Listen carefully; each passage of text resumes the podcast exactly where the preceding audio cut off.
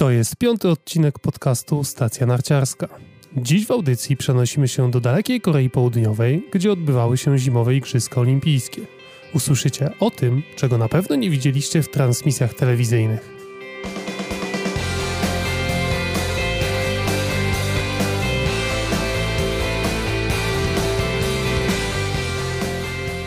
Czołem narciarze. Ja się nazywam Michał Szypliński i zapraszam do wysłuchania piątego odcinka stacji narciarskiej.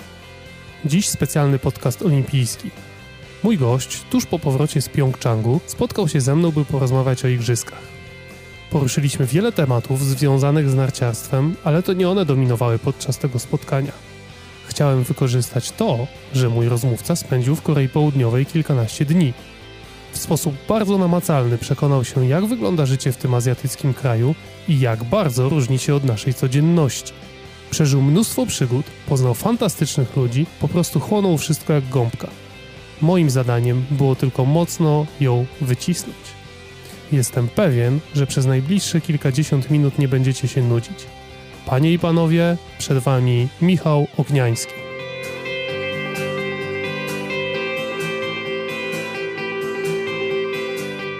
Czołem okno. Cześć czołem. Powiedz, jak ci się podobało w ogóle w Korei? To jest fajny kraj do wybrania się tam na wycieczkę, czy wolałbyś, żeby igrzyska były gdzie indziej? E, no pytanie stosunkowo ciężkie, bo specjalnie w Korei jako miejscu na ziemi i to, co zobaczyłem, nie mógłbym się raczej zakochać i stwierdzić, że chciałbym tam być dłużej, chciałbym tam pomieszkać i wsiąknąć ten e, klimat. Igrzyska specyficznie, dlatego że przyzwyczailiśmy się, że przez ostatnie lata, ostatnie igrzyska są w dosyć egzotycznych miejscach na Ziemi mm, organizowane. W tym aspekcie Korea, za 4 lata Pekin, no i bardzo odległe kulturowo sprawy. To są chyba takie największe bariery dla Europejczyków.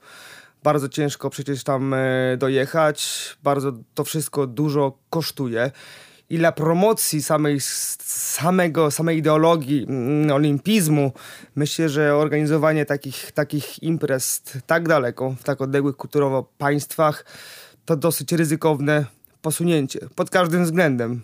Sam wiesz, że wstawałeś po nocach, żeby oglądać narciarstwo zjazdowe. Skoki oglądaliśmy w Polsce koło godziny chyba 12, z tego sobie co przypominam. No i to wszystko jest stosunkowo dziwne, patrząc na to, że w Korei te sporty zimowe nie są jakoś specjalnie szalenie popularne oprócz short tracku, no to nie wiem, gdzie to się tam marketingowo to wszystko zgadza. Wiadomo, że teraz robimy to wszystko pod telewizję, wiadomo, że teraz robimy to wszystko poprzez prawa i na tym się zarabia, no ale jak tutaj zarobić, jak yy, najfajniejsze imprezy powiedzmy są w godzinach yy, nocnych albo yy, przedpołudniowych, gdzie ludzie są yy, w pracy, więc coś mi się tutaj w tym wszystkim nie do końca zgadza. Do kwestii sportowych e, za chwilę dojdziemy. Chciałem z Tobą na początku porozmawiać bardziej o samej Korei jako przygodzie, jako Twojej podróży. I wspomniałeś o barierach. E, widziałem na filmach, że jedną z większych barier była ta językowa, co z mojego punktu widzenia jest trochę dziwne, bo wydawało mi się, że Korea jest krajem rozwiniętym, że e, po angielsku bez problemu będzie można się tam dogadać, a jednak nie było to takie łatwe. No nie było. Na każdym kroku ten język angielski kulał, a właściwie nie było tego języka angielskiego u Koreańczyków. Nawet u tych młodych, wydawałoby się ogarniętych, gry komputerowe, yy, szeroko rozwinięty sprzęt elektroniczny, więc tym angielskim yy, powinni młodzi Koreańczycy się stykać, yy, mieć styczność na, na co dzień, a tak nie było ja już nie mówię o taksówkarzach, którzy kompletnymi byli e, ludźmi poza jakimikolwiek europejskimi standardami, ale mówię też o młodych ludziach, o wolontariuszach. E, wydawałoby się, że to są ludzie, którzy mają ci pomóc w każdych sytuacjach. E, w przypadku dojścia do autobusu, w przypadku zapytania się, gdzie jaka impreza, o której godzinie. No, bardzo ciężko, mimo że było ich naprawdę wielu i wydawało się, że w każdej chwili może ci taki wolontariusz pomóc, bo był na każdym kroku twoim, no to po zapytaniu się hello, jak mogę, gdzie mogę, co, czym dojechać, nagle było słychać tylko sorry, sorry, sorry, sorry. Brał taki chłopak mnie pod pachę do jakiegoś baraku albo koleżanki, która stała powiedzmy 50 metrów dalej która mówiła coś po angielsku i która cokolwiek mogła mi wytłumaczyć. Tak było na każdym kroku. Więc dużo wolontariuszów, ale efektywność tego wszystkiego była stosunkowo słaba.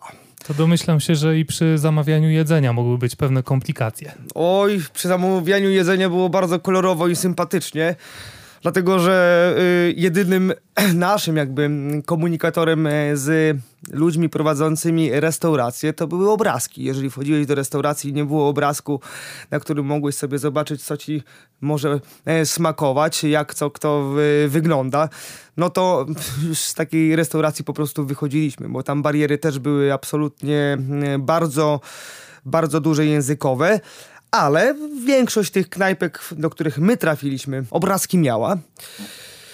I te bariery e, w pewnym momencie znikały, właśnie w tych restauracjach, bo gospodarze bardzo poczuwali się do tego, że przyszedł Europejczyk i, I rzeczywiście taką e, naturalną sympatią, jakimś takim e, przywitaniem, jak w domu, próbowali to wszystko nadrobić, te braki, jeżeli chodzi o języki.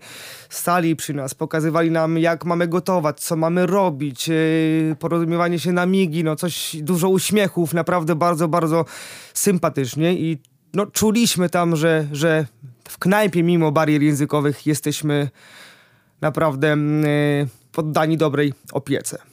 A z Twoich opowieści jeszcze wynikało, że jest e, to kraj kontrastów, że z jednej strony mamy szybką kolej, która jest w ogóle urządzeniem przyszłości, a z drugiej strony jest dużo brudu e, i takich rzeczy, których nie spotykasz w Europie, jak pojedziesz na przykład do hotelu. Jak, jak to odczułeś? No tak, tak jak mówisz, przyjeżdżasz do Korei, wsiadasz e, w świetny pociąg, Wi-Fi przy 200 km na godzinę, paca jak szalone, możesz oglądać filmy na e, Netflixie. Wychodzisz, wszystko pięknie, ładny dworzec, e, wygląda to naprawdę bardzo europejsko.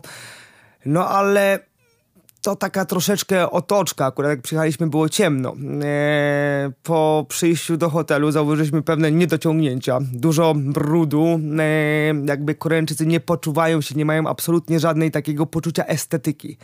I to widać i w hotelu, i na ulicach, gdzie na przykład nie ma koszy na śmieci, gdzie wszystko jest dosyć e, mocno odbiegające od pewnych standardów, które my tutaj mamy w Europie. Brzydkie budynki, taki miszmasz, dużo koloru, dużo takiego tandeciarstwa, coś, co rzeczywiście nie do końca mm, pasuje nam w miarę poukładanym e, ludziom z Europy. I rzeczywiście pewne kwestie w porównaniu do tego, jak oni są rozwinięci technologicznie, do takiego zwykłego, prozaicznego życia, do chociażby kupowania biletów na stacji kolejowej, gdzie e, są otwarte cztery kasy, a mamy przecież Igrzyska Olimpijskie, więc tysiące turystów, tysiące ludzi, a ty musisz stać z numerkiem e, w kolejce jak e, za komuny i czekać na swoją kolej, aby kupić e, zwykły bilet. Także od naprawdę super technologii, po, po, po, po dziwne, naprawdę podziwne sprawy. I tak jak mówisz, kontrastów było tam e, bardzo wiele, ale pewnie jeszcze w naszej rozmowie sobie gdzieś tam o tym porozmawiamy. Twój kolega Jarek, z, z którym podróżowałeś po Korei, e, powiedział mi, że cyganie przy Koreańczykach to mistrzowie estetyki. Cyganie to... Wspominał mi o na przykład takich historiach związanych z podróżowaniem autobusem. Jak wygląda autobus, y, który woził was na arenę olimpijską? No to jest czad. Ja myślałem, że na Sri Lance autobusy, mm, gdzie bym y, zrobią na mnie, zrobiły na mnie największe wrażenie i już nigdzie nie spotkam bardziej kolorowych i dziwnych autobusów. A tu nagle Korea, jak ja to mówię, Koreła. Wchodzisz do autobusu, jest pan kierowca, który oczywiście po angielsku nie rozmawia, ma swój mikser, przechodzisz dalej, wszędzie światła, kolory, neony, co dwa metry subwoofery, z tyłu kolumny, nie ma nawet toalety, ale za to jest przy tych kolumnach i tych wszystkich kolorach i pięknie wyglądających świecidełkach, na przykład papier toaletowy, który zwisa e, spod półki bagażowej, e, skórzane siedzenia, e, to wszystko takie naprawdę świecące, oprzyte jakimiś laurkami. Plazma na samym początku autobusu, która e, pokazuje na bieżąco Igrzyska Olimpijskie. I rzeczywiście jazda takim autobusem e, to coś zupełnie innego niż tutaj w Europie. No ale to chyba fajnie taki orient, bo gdybyś pojechał na Igrzyska do europejskiego kraju, to może te wrażenia też byłyby trochę mniej intensywne. Rzeczywiście tak, tutaj na każdym kroku coś zaskakiwało, coś było inne, niekoniecznie to było mm, po naszej myśli, ale może dlatego to było takie ciekawe. Może ten kraj kontrastów, e, inna kultura, inni ludzie sprawiało, że, że jesteś, że zdajesz sobie sprawę, że jesteś w zupełnie innym miejscu na świecie. I fajnie było to jakoś pojąć swoim europejską, e, swoją europejską głową. Ciężko, naprawdę ciężko. I po kilkunastu dniach pobytu tam człowiek mógł się czuć naprawdę zmęczony ale no nie ma nic fajniejszego chyba jak nowe rzeczy, jak poznawanie nowych kultur i tam było to, tak jak już wcześniej wspominałem, na każdym kroku coś nowego, coś fajnego, co za zaskakiwało, ale też kupa frustracji, kupa frustracji. A mieliście czas na to, by poznać właśnie tę kulturę, o której mówisz, y, w sensie zobaczyć jakieś obiekty nieolimpijskie, tylko pojechać gdzieś y, i, i coś ciekawego tam zwiedzić? Bardzo mało czasu, bardzo mało czasu, bo e, tak naprawdę chcieliśmy się skupić na samych igrzyskach. E, same dojazdy zajmowały bardzo, znaczy może nie dużo czasu, ale zajmowały czasu. Od nas, e, gdy wychodziliśmy z hotelu, żeby dojechać powiedzmy do e, Olympic Park, gdzie chociażby odbywały się skoki narciarskie, no potrzebowaliśmy od półtorej do, do dwóch godzin. Wszystko sprawnie, wszystko fajnie, ale w drugą stronę też tyle samo.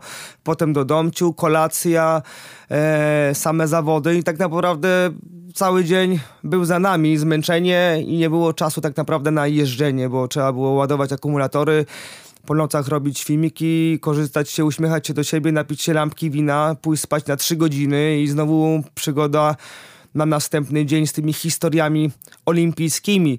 Więc jakby takich konkretnie, czy budowli, czy, czy, czy jakichś tam ichniejszych e, kulturowych chociażby budynków i tak dalej, było bardzo ciężko, żeby, żeby zobaczyć i, i na tym się skupić. Czyli obiekty olimpijskie były waszym drugim domem? Ła, obiekty olimpijskie to w ogóle kolejna historia. Przepiękne. No właśnie, jak, jak one wyglądały? Robiły wrażenie? Przepiękna sprawa i rzeczywiście, jeżeli trzeba chwalić te igrzyska, to na pewno za obiekt fantastycznie położone, nowoczesne, pięknie oświetlone, wyeksponowane, robiące ogromne wrażenie. Jeżeli jak pierwszy raz pojechaliśmy na skoki narciarskie, do Alpinezja Olympic e, Park i zobaczyłem w oddali świecący się przepiękny tor bobslejowo-saneczkowy, który robił po prostu wrażenie jak e, w jakimś dobrym filmie science fiction.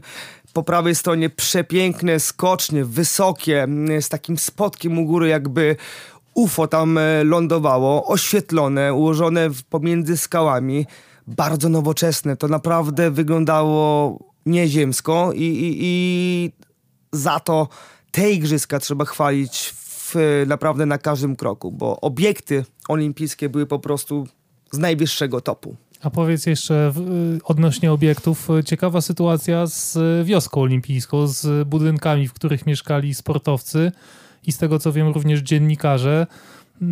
O co chodziło? Tam nie można było korzystać z kuchni i one były obłożone jakimś kartonem. Możesz coś opowiedzieć na ten temat?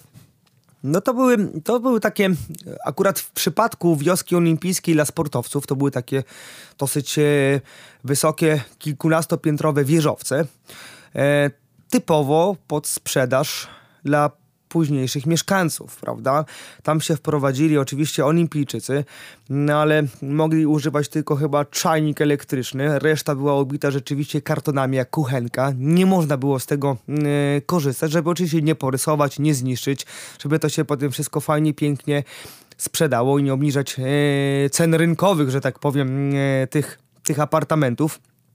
E, no to było, o tym mówił e, cały świat, to było dosyć kurio, kuriozalne i dosyć śmieszne, no ale to są znowu te... Kontrasty. Kontrasty, to są znowu te kontrasty. Fakt faktem, e, olimpijczycy na miejscu mieli wszystko. Mieli wielką jadalnię, kuchnię, więc wychodzili tylko ze swoich apartamentów i w każdej chwili 24 godziny na dobę mogli sobie zjeść, wypić i tak naprawdę nie brakowało im posiłków ale to rzeczywiście mogło wzbudzać jakieś takie mm, poczucie, że nie jest się jak u siebie w domu, nie można się zadomowić. No, trudno sobie wyobrazić, że wchodzisz do swojego domu i masz pilota mm, do telewizora w woreczku foliowym albo kuchenkę mm, przykrytą kartonem. Tak to też było. No ale widocznie e, tak w Korei jest, że coś musi się potem zgadzać. W końcu potem trzeba to jakoś e, sprzedać i odrobić te igrzyska, bo czy na nich zarobiono, to, to ja bym w to akurat wątpił. To, co mnie jeszcze uderzyło, no to liczba kibiców na poszczególnych e, zawodach. Nie wyobrażam sobie tego, żeby na przykład zawody alpejskie lub zawody w biegach narciarskich, które odbywałyby się w Europie, przyciągnęły tak małą liczbę ludzi. To jest coś, na co narzekał na przykład komentator Eurosportu Tomasz Jaroński. On powiedział, że odbiór biatlonu tam w Pjongczang jest zupełnie inny niż y, na przykład w Niemczech. Tam podczas strzelania jest kompletna cisza, w ogóle publiczność nie reaguje. W Niemczech po każdym trafieniu jest wielki aplauz. Zupełnie inne pojmowanie tego sportu. Nie przeszkadzało ci to, że ta publiczność jest zupełnie inna, że może nie zna się tak na tym sporcie jak e, tutaj w Europie i przede wszystkim mm, no, widok pustych trybun to jest coś, co jest przykrym widokiem chyba dla sportowców również. No rzeczywiście, w Pucharze Świata przecież e, nawet w takich zawodach, które nie są jakoś specjalne, traktowane jako kultowe zawody, ma się bardzo często pełne trybuny i ci ludzie, którzy tam chodzą, to są świadomi kibice.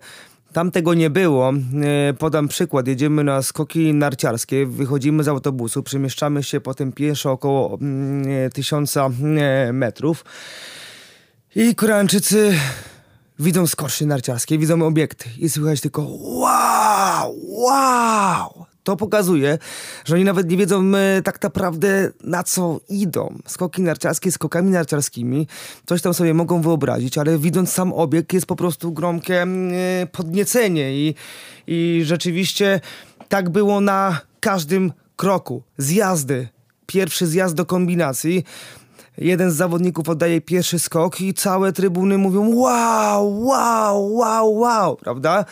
E, mają chyba małą styczność rzeczywiście ze sportami zimowymi i, i to na pierwszy rzut oka na początku się bardzo rzucało. Puste trybuny, bo w pierwszym tygodniu igrzysk rzeczywiście tych ludzi było troszeczkę mniej.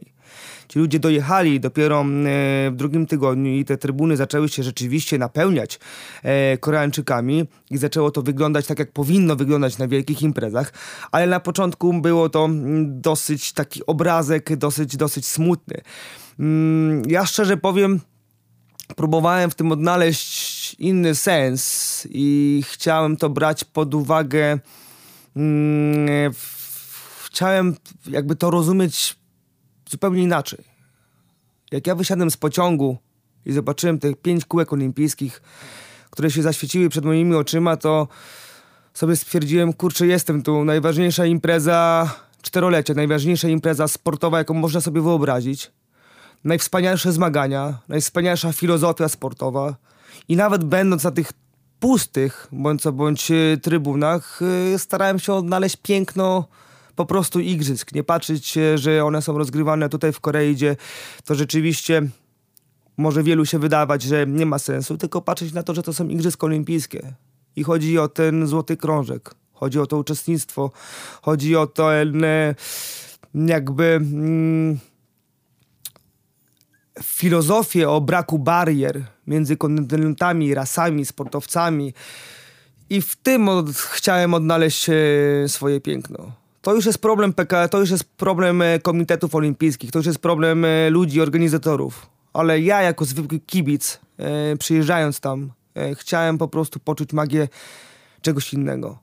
Potem to się oczywiście przerodziło w dużo fajniejsze zawody, bo na mm, konkurencjach alpejskich w drugim e, tygodniu, chociażby na gigancie mężczyzn, były pełne trybuny.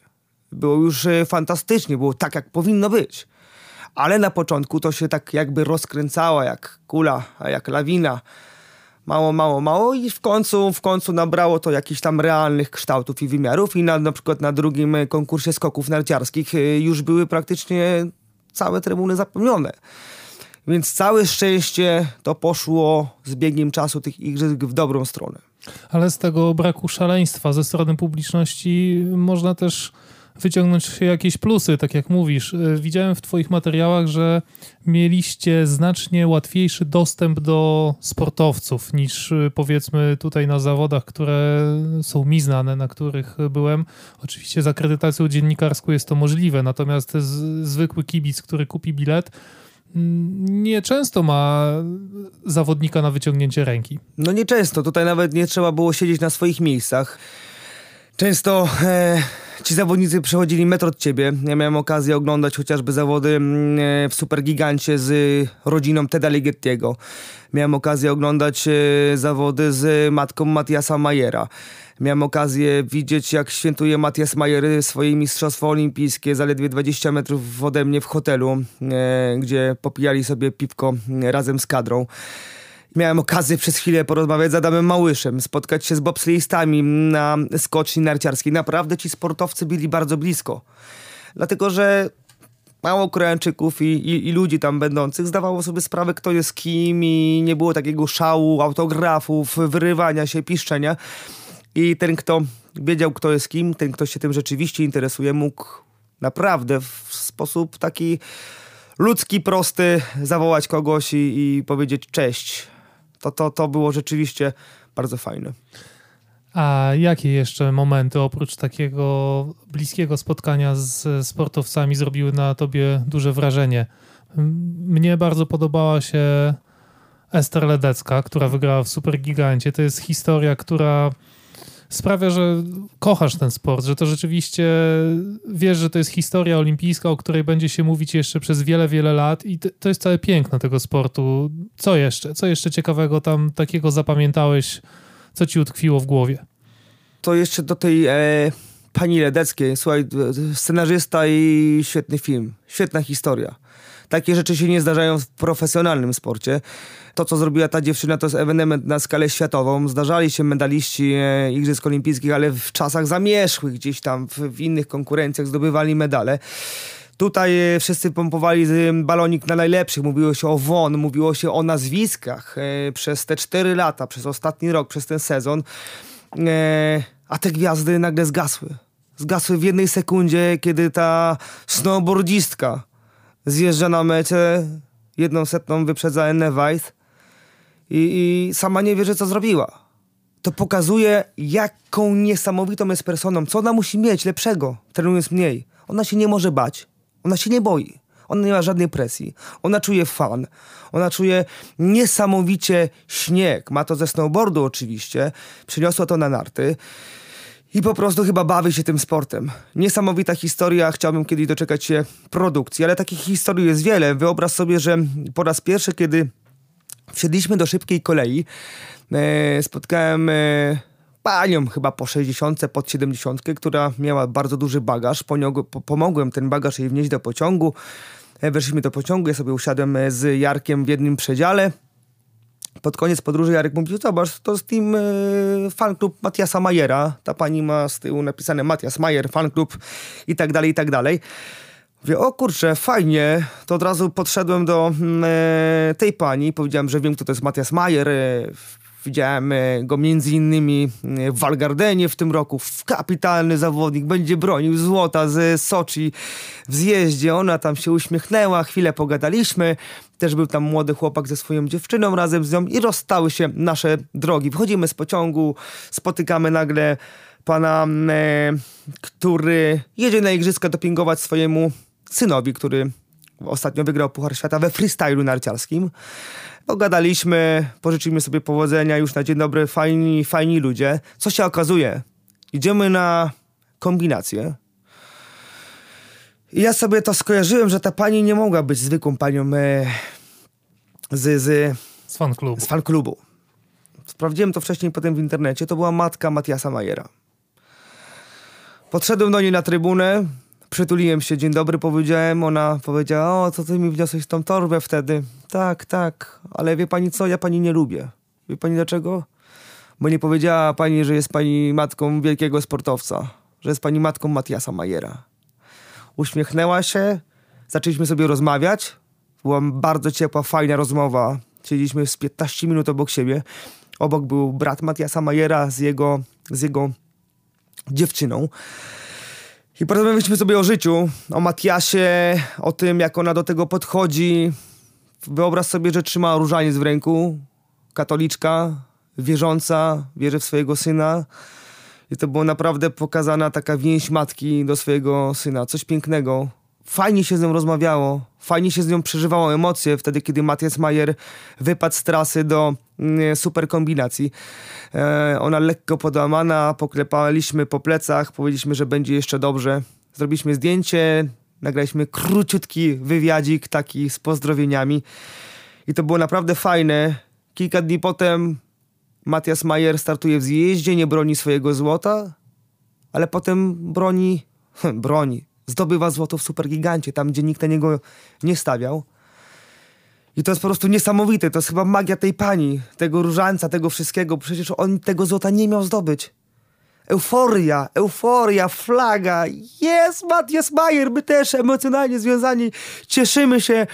Spotykam zaraz ją po trybunach, wpadamy sobie w ramiona, skaczemy. Historia, e, którą pewnie będę pamiętać do, do końca życia. Przechodząc do naszych polskich sportowców, mam wrażenie, że najwięcej na tych igrzyskach zyskał Michał Kłusak, bo wokół niego zrobiło się głośno medialnie już przed wyjazdem. E, niepewny start, cała ta batalia, zbiórka pieniędzy na podróż do Korei i mam wrażenie przez to również mnóstwo wywiadów na miejscu. Wirtualna Polska, Eurosport, ty rozmawiałeś z Michałem, też puszczałeś to w swoich materiałach. Krzysztof Gąciarz, który produkuje. Jakby filmy. on chyba nakręcił tą całą, całą lawinę tego, chyba tak. tej popularności. Ale prawda? zobacz, jaki, jaki to jest paradoks. Jak dzięki człowiekowi, który w ogóle nie jest związany z narciarstwem, ze, ze sportem, tylko z podróżami, e, nagle o Michale Kłusaku mówią wszyscy, wszyscy znają jego historię i zaczyna się jakaś dyskusja która no niestety nie chciałbym być tutaj złym prorokiem, ale obawiam się, że ucichnie, jak wiele tego typu spraw, e, które związane są tylko ze startem na igrzyskach. Wiesz ja, ja miałem na początku mieszane uczucia co do tego, że jest już Michał na igrzyskach. Walczył bardzo ciężko tę swoją nominację, a wiemy, że mm, perturbacji przed igrzyskami było bardzo dużo i te powiedzmy skandale związane z nominacją olimpijską przewijały się z dnia na dzień. Michał do samego końca nie wiedział, czy w ogóle w tych igrzyskach wystartuje, a tak naprawdę spełnił wszystkie normy, o których wcześniej e, mówiono, gdzie ustalono z PZN-em. E, w końcu Michał jedzie, osiąga cel razem z rodziną, spełnia marzenia. Po, po, po naprawdę boju, po walce mogę mm, to szczerze powiedzieć. Jedzie na igrzyska i na początku mi się wydaje, że po co? Po co o tym teraz mówić? Skupić się na starcie. Cel jest osiągnięty, jest się na imprezie życia. Czy to jest miejsce do tego, żeby roztrząsać jakieś źle? Nie lepiej skupić się na starcie? Przecież takie gadanie o tym, że jest tak, tak, siak czy, czy owak, e, to też na pewno nie działa na psychikę zjazdowca przed startem i tak dalej. Dziś się traci na to energię. I tak się nad tym zastanawiałem, czy to jest dobra droga, ale po tym, co się stało, stwierdziłem, że rzeczywiście może to był jedyny czas, gdzie można było tę sytuację nagłośnić. No zobacz, że właśnie przez to trafiamy zupełnie do ludzi, którzy się na co dzień tym nie interesują, a przez takie historie mimo wszystko słyszą o tym, za, zaczynają w ogóle dostrzegać problem i w ogóle zaczynają się w, w minimalny chociaż sposób interesować narciarstwem alpejskim. Tak. Jako sportem, nie jako formą rekreacji. Oczywiście i tutaj, i tutaj się yy, o tym o tym naszym pięknym, ukochanym sporcie zrobiło głośno. Mimo, że Michał e, nie zrobił tam porażających wyników, to przynajmniej nakreślił, pokazał jak to wygląda, ile pracy go kosztują marzenia tak naprawdę, ile pracy go kosztuje to, żeby startować gdzieś tam na tym najwyższym poziomie. Rozmawiałem z nim, to nie wpływało na jego psychikę. To, to było fajne, że on mógł o tym opowiedzieć, też się z tego uwolnić i, i jakby zmieniłem zdanie na ten temat to był chyba ten czas i to miejsce, żeby gdzieś tam o tej historii jego, trudnej historii, gdzie te kłody pod nogami, pod nartami e, co chwilę były rzucane. I fajnie. i fajnie, że to poszło, fajnie, że to się mm, jakby oddźwięk tego był bardzo dobry, bo od razu to się oczywiście przełożyło na pieniążki. To jest, to jest paradoks, na pieniążki do tego, żeby Michał mógł trenować i startować. Czyli finansujemy, finansują go dobrzy ludzie, którzy zauważyli w tym wszystkim fajną historię. I niech tak będzie. I niech Michał robi swoje, spełnił e, swoje marzenie, wystartował. Sam jest w miarę zadowolony ze swojego startu a my się cieszmy, bo to przecież nasza ukochana dyscyplina. Ja myślę, że to mogło mieć jeszcze jeden pozytywny aspekt e, pod kątem Maryny Gąsienicy Daniel, na której myślę, że bez tej historii Michała Kusaka byłyby skupione oczy wszystkich już absolutnie kibiców, bo była to tak naprawdę nasza jedyna nadzieja olimpijska na naprawdę dobry rezultat. Dobry mam na myśli miejsce w okolicy 20. Maryna przed igrzyskami nie czuła się najlepiej psychicznie. Rozmawiałem z Marcinem Orłowskim w Lencerheide, gdzie nie poszło jej w gigancie, wycofała się ze startu w slalomie, nie czuła się najlepiej. Marcin powiedział mi, że oczekiwania kibiców w tym momencie w Polsce są tak duże na to, że Maryna wreszcie zajmie dobre miejsce w gigancie, że ona staje na starcie i jest naprawdę sparaliżowana tym, że, że ona jest jedna, że nie ma teamu, że nie mogą razem trenować, razem się wspierać, tylko wszystko tak naprawdę e, spoczywa na jej dokonaniach. I mimo, że jest w stanie na treningach jeździć na poziomie zbliżonym do zawodniczek, które punktują w Pucharze Świata, no to jednak przychodzi dzień startowy, staje w budce startowej i paraliżuje ją to. Na igrzyskach, no w gigancie ten błąd, tak, który który niestety nie pozwolił myśleć o, o dobrym miejscu, ale już super gigant zjazd y, zupełnie przyswoicie, takie mam wrażenie. Mogło być pewnie trochę lepiej jeszcze, ale y, spotkałeś się z Maryną. Jak, y, jak, jakie odniosłeś wrażenie? Czy ona była tam cały czas spięta, czy podchodziła do tego już trochę na większym luzie? Mm, spotkaliśmy się owszem. I powiem szczerze, że, że Maryna mówiła, że nawet na tym pierwszym starcie był pełen luz. Był pełen luz, wiedziała po co przyjechała, wiedziała, że jest przygotowana. I te igrzyska już były to i drugie igrzyska w jej wykonaniu. Na pewno nie stwarzały takiej jakiejś otoczki e, nieznanej, którą miałam e, w, chociażby w Soczi. E, czuła się fajnie przed treningami, czuła się fajnie na, przed zawodami. Troszeczkę gdzieś tam z tego rytmu niestety wyprowadzał ich wiatr. Oni mieli zaplanowany cykl e, startowy, między startami jakieś treningi, zajęcia, masaże. To wszystko gdzieś tam się włożyło poprzez przekładane zawody i to było jedyną rzeczą, która mogła gdzieś tam w jakiś sposób wyprowadzać z takiego planu już, e, który był przygotowany dużo, dużo, dużo, dużo wcześniej po samym starcie w gigancie powiedziała, że nie ma sobie za bardzo nic do zarzucenia, dlatego że po prostu dała z siebie wszystko. Ona pojechała bardzo dobrze pierwszy przejazd. Zrobiła owszem e, duży błąd w drugim przejeździe i to ją pozbawiło na miejsce lepsze niż, niż nie wiem, 27, tak? E, mimo wszystko trzeba brać pozytyw, to jest 30 do tej pory w gigancie, w 30 w tym sezonie nie była ani razu. Oczywiście na igrzyskach jest troszeczkę łatwiej, bo mniej zawodników startuje, ale pokazała akurat w tym starcie, że rezerwy są i to spore. I myślę, że przy dobrych wiatrach i przy tym e, bezbłędnym drugim przejeździe ta dwudziestka byłaby rzeczywiście możliwa. Super gigant, lepiej niż e, w gigancie, to przecież nie jej konkurencja, tak? To już pokazuje, jest rezerwa. Zjazd, Mega zaskoczenie. Przecież ona nie jeździ z jazdu. Zjeżdża też w trzydziestkę. E, robi też lepszy wynik niż, niż w gigancie. I naprawdę dziewczyna, która ma w sobie duży potencjał, jest młoda, teamu nie ma. E, nie ściga się, nie może się porównywać z jakimiś koleżankami, które by razem się napędzały, ale ma za to fantastycznego trenera Marcina Orłowskiego i myślę, że to oni, ta dwójka, tworzą jakąś fajną więź. Fajną więź, która pozwala im mm, patrzeć pozytywnie do przodu, wspierać się nawzajem. E, I tak naprawdę to są bardzo fajni ludzie. Bardzo fajni, normalni ludzie, którzy znają swój cel, są sfokusowani na pewnych e, kwestiach bardzo ważnych dla nich, są świadomi po co, co robią, jak to mają robić i to rzeczywiście fajnie wygląda.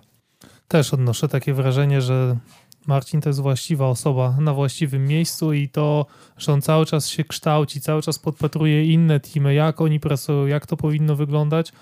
No, miejmy nadzieję, że to w końcu przyniesie. Nie jest tak zwanym leśnym dziadkiem, tak? tak? To jest tak. młody chłopak, który się patrzy w przyszłość, jest perspektywiczny, nie zamyka się w jednej jakiejś tam myśli swojej, szkoleniowej i tak dalej, tylko naprawdę patrzy się do przodu. E, I, I, widać, jakie serducho w to wkłada. Widać, jakie serducho to wkłada. Ja myślę, że to zaprocentuje. Ja myślę, że Maryna za 4 lata na Igrzyskach będzie w zupełnie innym punkcie niż jest teraz.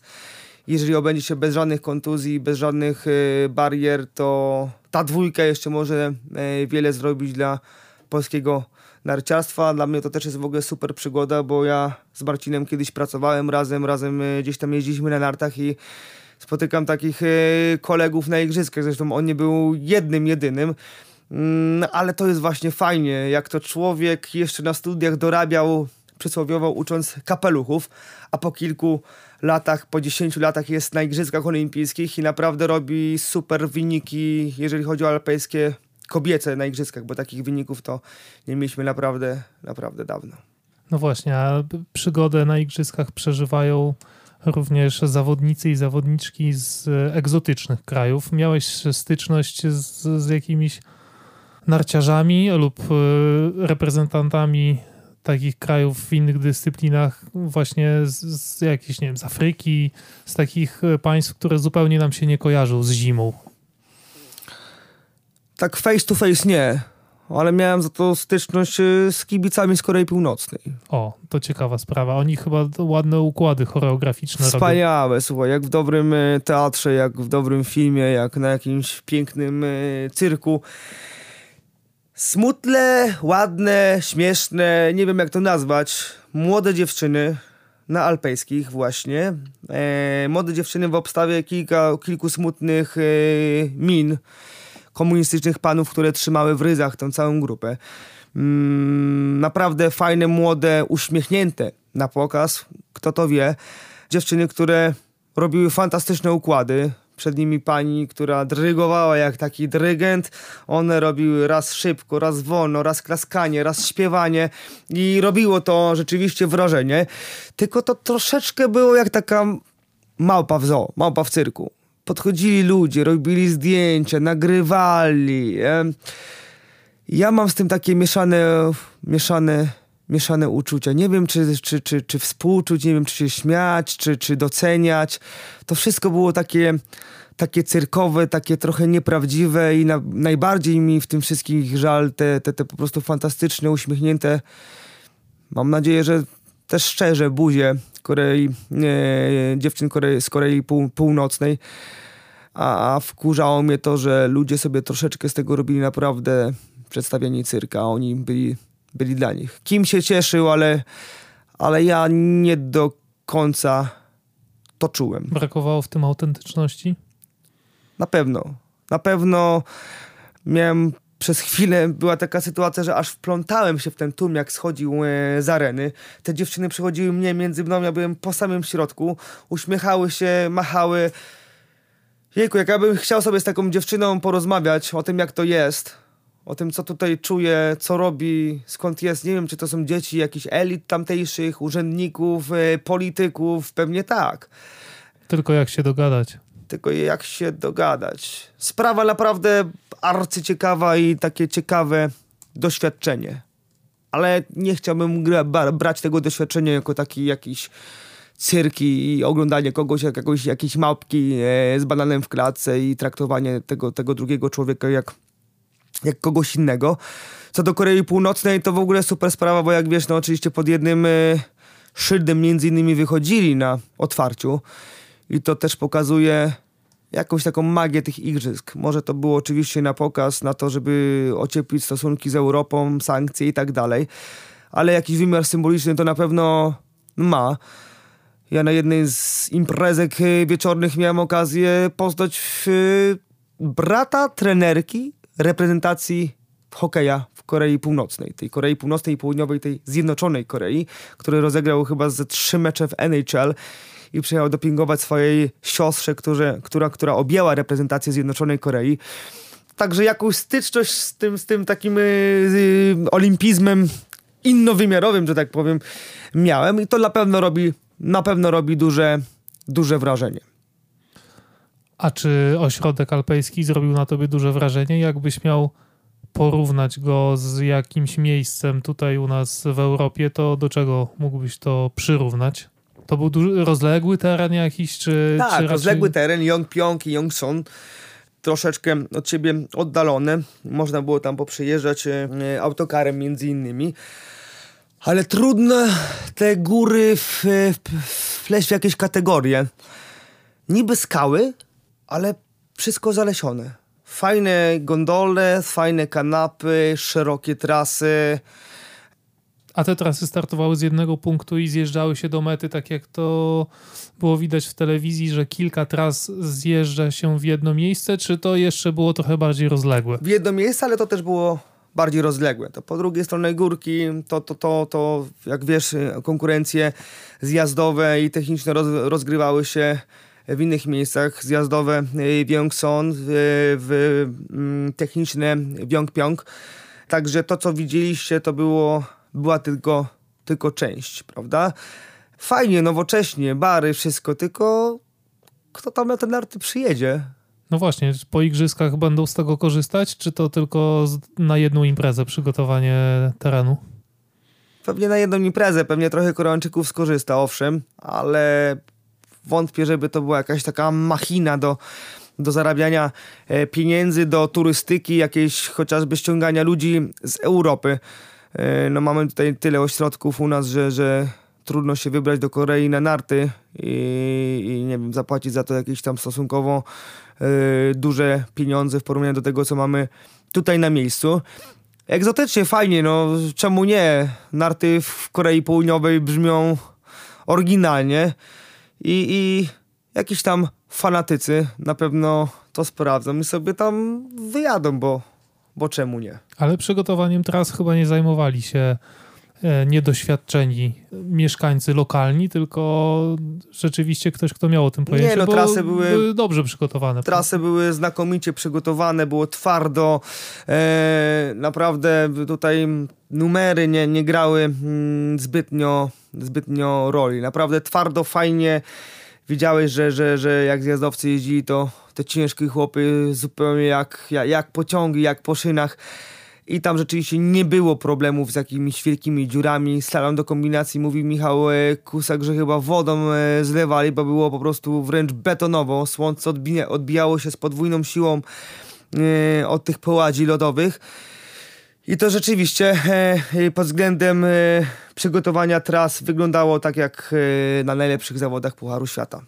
Ty jesteś wielkim fanem zjazdów. Podobała Ci się trasa zjazdowa w Pjongczangu?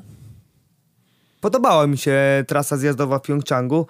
Na początku mi się nie podobało, że wiało że nie można było tych zawodów e, po prostu przeprowadzić ale tam nie brakowało. Szybko się jeździło, daleko się skakało. E, było trochę nierówności, aczkolwiek na pewno nie porównamy tego do takich nierówności jak w Santa Catarinie chociażby, czy gdzieś e, w, w prawda? Duże chłopy, no Swindal. No i wygrał Świetny Swindal. start, to jest e, oczywiście. Fantastyczna historia. To chyba z tego cieszy się każdy kibic narciarstwa alpejskiego. To jest kolejna historia na film. To, co ten facet przeżył, to, co osiągnął w narciarstwie, to jest coś, co nie mieści się w głowie, jeżeli ktoś się narciarstwem alpejskim interesuje. To jest takie chyba zapięcie klamrą jego długiej kariery, która miała wiele zwrotów i upadków. Myślę, że teraz śmiało może sobie stanąć i powiedzieć yy, kończę jako ten najlepszy, jako ten król zjazdów, jako atakujący wiking, jako Axel Lundsvindal. Jakże inne będzie to zakończenie niż na przykład te marne próby Jana Achonena na skoczni, na które patrzy się z przykrością. No, właśnie rozmawiałem o tym na skoczni z, z Jarkiem i gadaliśmy chwilę o skokach. Zobacz, jaki ten gość był kiedyś e, świetny, tak? Skończył e, karierę, zawiesił, chciał wrócić i już nigdy nie wrócił do tego poziomu, co był kiedyś. Inaczej to wygląda chociażby w e, Ushi Renzauera, który przecież kontuzja, a też zapowiadał się na człowieka, który będzie hegemonem w skokach narciarskich. Dzisiaj się nie może podnieść, ale to nie na własne życzenie. Ahonen akurat to na własne życzenie. Zostawmy Ahonena, mamy przecież yy, chociaż fanami skoków wielkimi Michał nie jesteśmy, ale mamy coś niesamowitego w postaci dwóch medali olimpijskich. I ja to też odbieram bardzo osobiście, bo jakby będąc przy skokach Kamila Stocha i zdobyciu przez niego złoty medal olimpijski, dostałem taką namacalną nagrodę tych igrzysk. Zobaczyłem, jak Polak zdobywa złoty medal. Mogłem być dumny, że jestem Polakiem, mogłem tam przeżyć wspaniałe emocje. I to było chyba takie uwieńczenie tej mojej przygody z igrzyskami i, i, i nie patrzę w jakiej to jest dyscyplinie, absolutnie nie. Nie patrzę, że ktoś mi powie, że to jest festyniarska impreza, że ci Polacy z torbami od biedrunek bzdura. To są igrzyska olimpijskie. To jest Polak, który zdobywa złoty medal, trzeci złoty medal mm, dla siebie. Chyba tylko Irena, pani Irena Szewińska ma tyle medali w dorobku złotych, y, co, co, co teraz Kamil Stoch. Niesamowita historia, niesamowity sportowiec, niesamowita postać i naprawdę wielka, wielka duma dla nas Polaków. Tam licznie przybyłych na skocznie e, w, w Pjongczangu. To jest niesamowite uczucie, a na pewno odbieranie tego tam na miejscu to, to w ogóle nie mieści się w głowie komuś, kto tylko patrzy na to z pozycji widza przed telewizorem. No ja zadzwoniłem do kilku znajomych w trakcie konkursu. Wyobraź sobie, że stoisz na arenie, a tu Wi-Fi działa jak lepiej niż u ciebie w domu. Więc y, starałem się przekazać trochę tej magii znajomych, y, Facebooczek, relacja na żywo, zobaczcie, słuchajcie, gdzie jestem, dzwonię sobie z podskoczni, zaraz będziemy walczyć o złoto. I to robiło na ludziach, na moich przyjaciołach fajne wrażenie, że dzwonię stamtąd, że zaraz ten człowiek będzie walczył o złoty medal. Ale ich odbiór nigdy nie będzie, szczególnie o godzinie 12 e, w południe, taki jak kogoś, kto tam rzeczywiście będzie i, i będzie wida, e, widzieć, widział, jak e, chłopaki nasze polskie orzełki latają. Zresztą nie tylko stok, bo przecież historia huli to jest coś też e, niesamowitego. Chłopak, który jeszcze niedawno miał kończyć karierę, który zgubił sponsorów, który, który nie mógł się odnaleźć w Pucharze Świata, gdzieś tam wypadał poza trzydziestkę. Mm, szył kombinezony dla swoich kolegów. Już to wszystko miało naprawdę krótką drogę do tego, aby powiedzieć sobie stop. Przychodzi nowy trening, przychodzi luz w głowie, przychodzi w ogóle nowe podejście do skoków, do życia. I facet po pierwszej serii na średniej skoczni jest pierwszy gdzieś tam warunki, gdzieś tam może troszeczkę głowa nie wychodzi, ale piąte miejsce na Igrzyskach Olimpijskich, brąz e, w drużynie.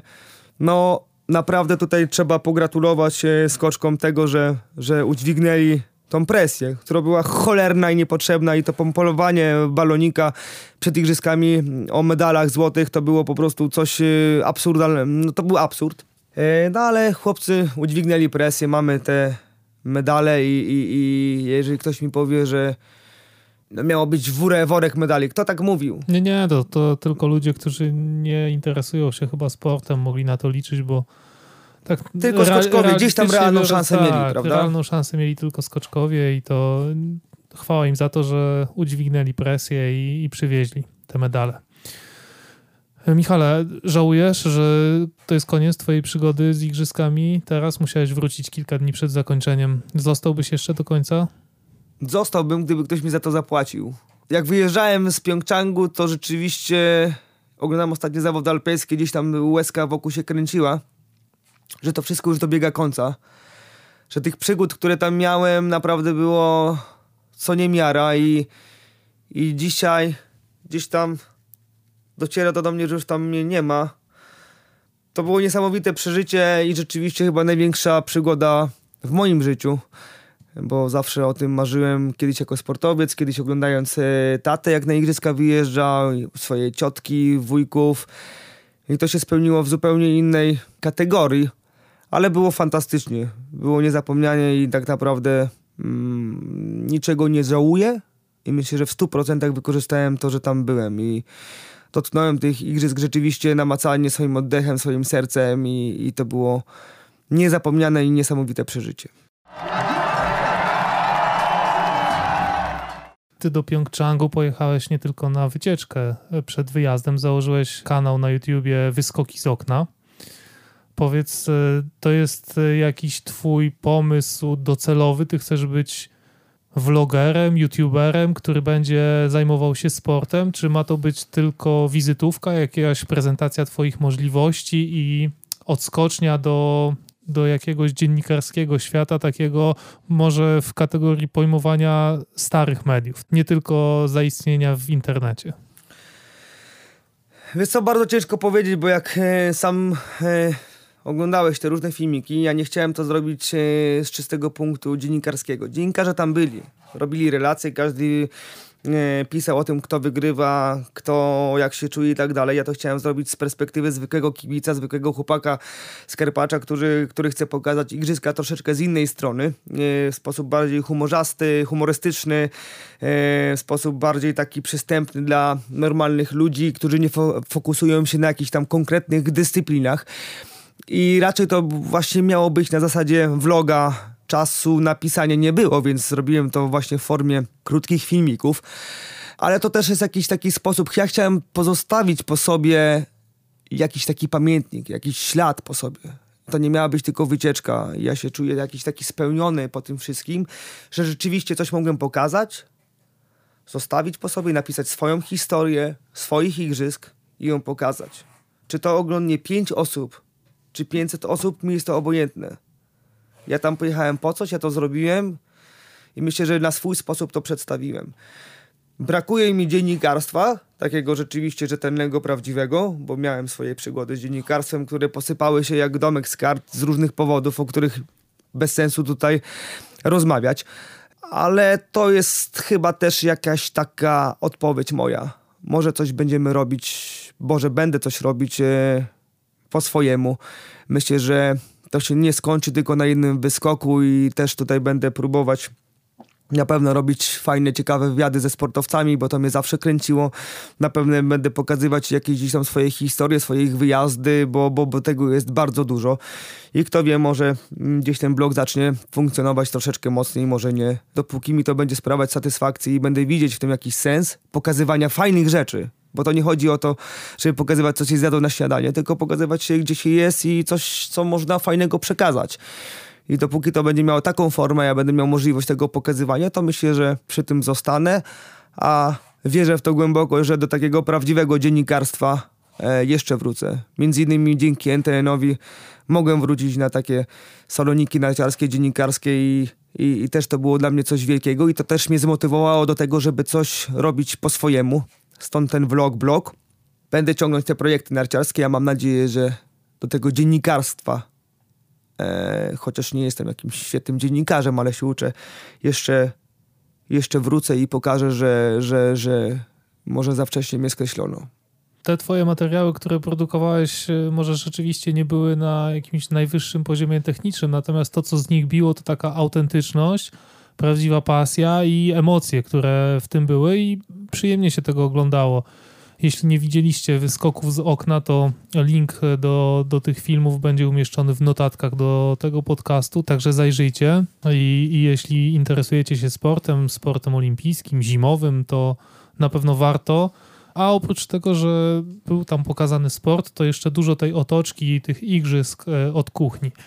A powiedz, y, produkcja tylu filmów nie przeszkadzała ci w odbiorze igrzysk? Nie miałeś y, takiego wrażenia, że cały czas musisz chodzić, coś nagrywać? Bo ja na przykład fotografując na stoku e, często mam takie poczucie, że gdzieś ucieka mi to, to, co się dzieje. Nie zawsze mogę każdy szczegół tam dojrzeć, nie zawsze mogę skupić się na rywalizacji.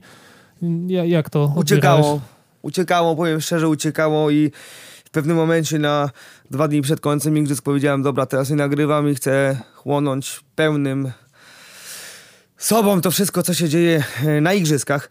To nie było tak, że nagrywałem cały czas. Gdybym nagrywał cały czas, to by pewnie powstał dobry film dokumentalny, albo gdyby ktoś za mnie to nagrywał, jak robi to między innymi pan Goncarz, tak? Tak. E, który ma za sobą sztab, e, który mu kleją te filmy i tak dalej, to jest zupełnie inna sprawa. No ale wiesz, on też zaczynał kiedyś od Jasne, że tak. I, takich podstawowych rzeczy. I pewnie on może się skupić bardziej, czy inni ludzie na tym e, wszystkim, co się dzieje. Ale ja tak czy inaczej wyciągałem to, co najważniejsze z tego wszystkiego. Trochę było przerąbane po tym, jak wracałem do domu, bo nie jestem żadnym technikiem i nie mam kompletnie pojęcia o kwestiach sklejania filmów, robienia najprostszy mariański program na telefonie, ucinanie tego wszystkiego na telefonie, bo nawet na komputer nie mam programu, bo na komputer programy są za trudne dla moich umiejętności, więc y, troszeczkę godzin po nocach, nocy po prostu traciłem na to, żeby skleić coś sensownego.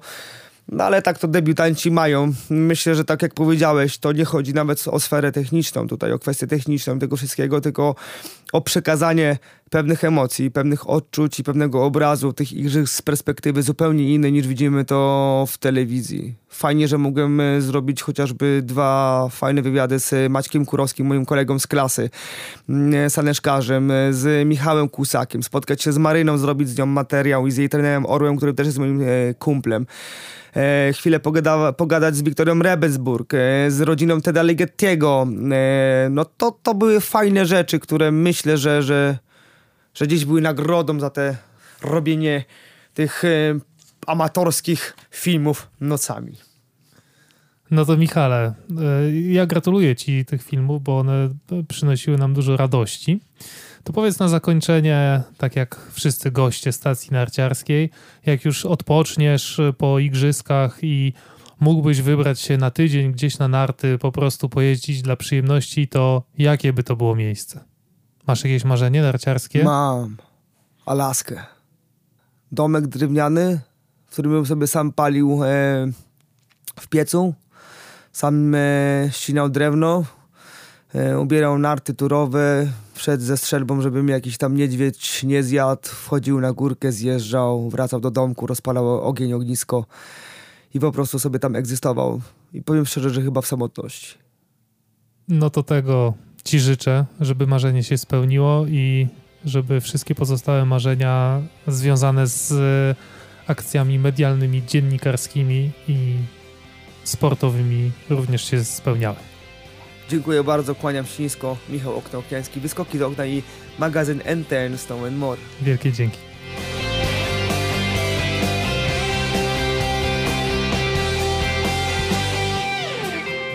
Mieliście kiedyś marzenie, by pojechać na Igrzyska Olimpijskie? Być może ta rozmowa przybliży Was do wykonania chociaż małego kroku w tym kierunku.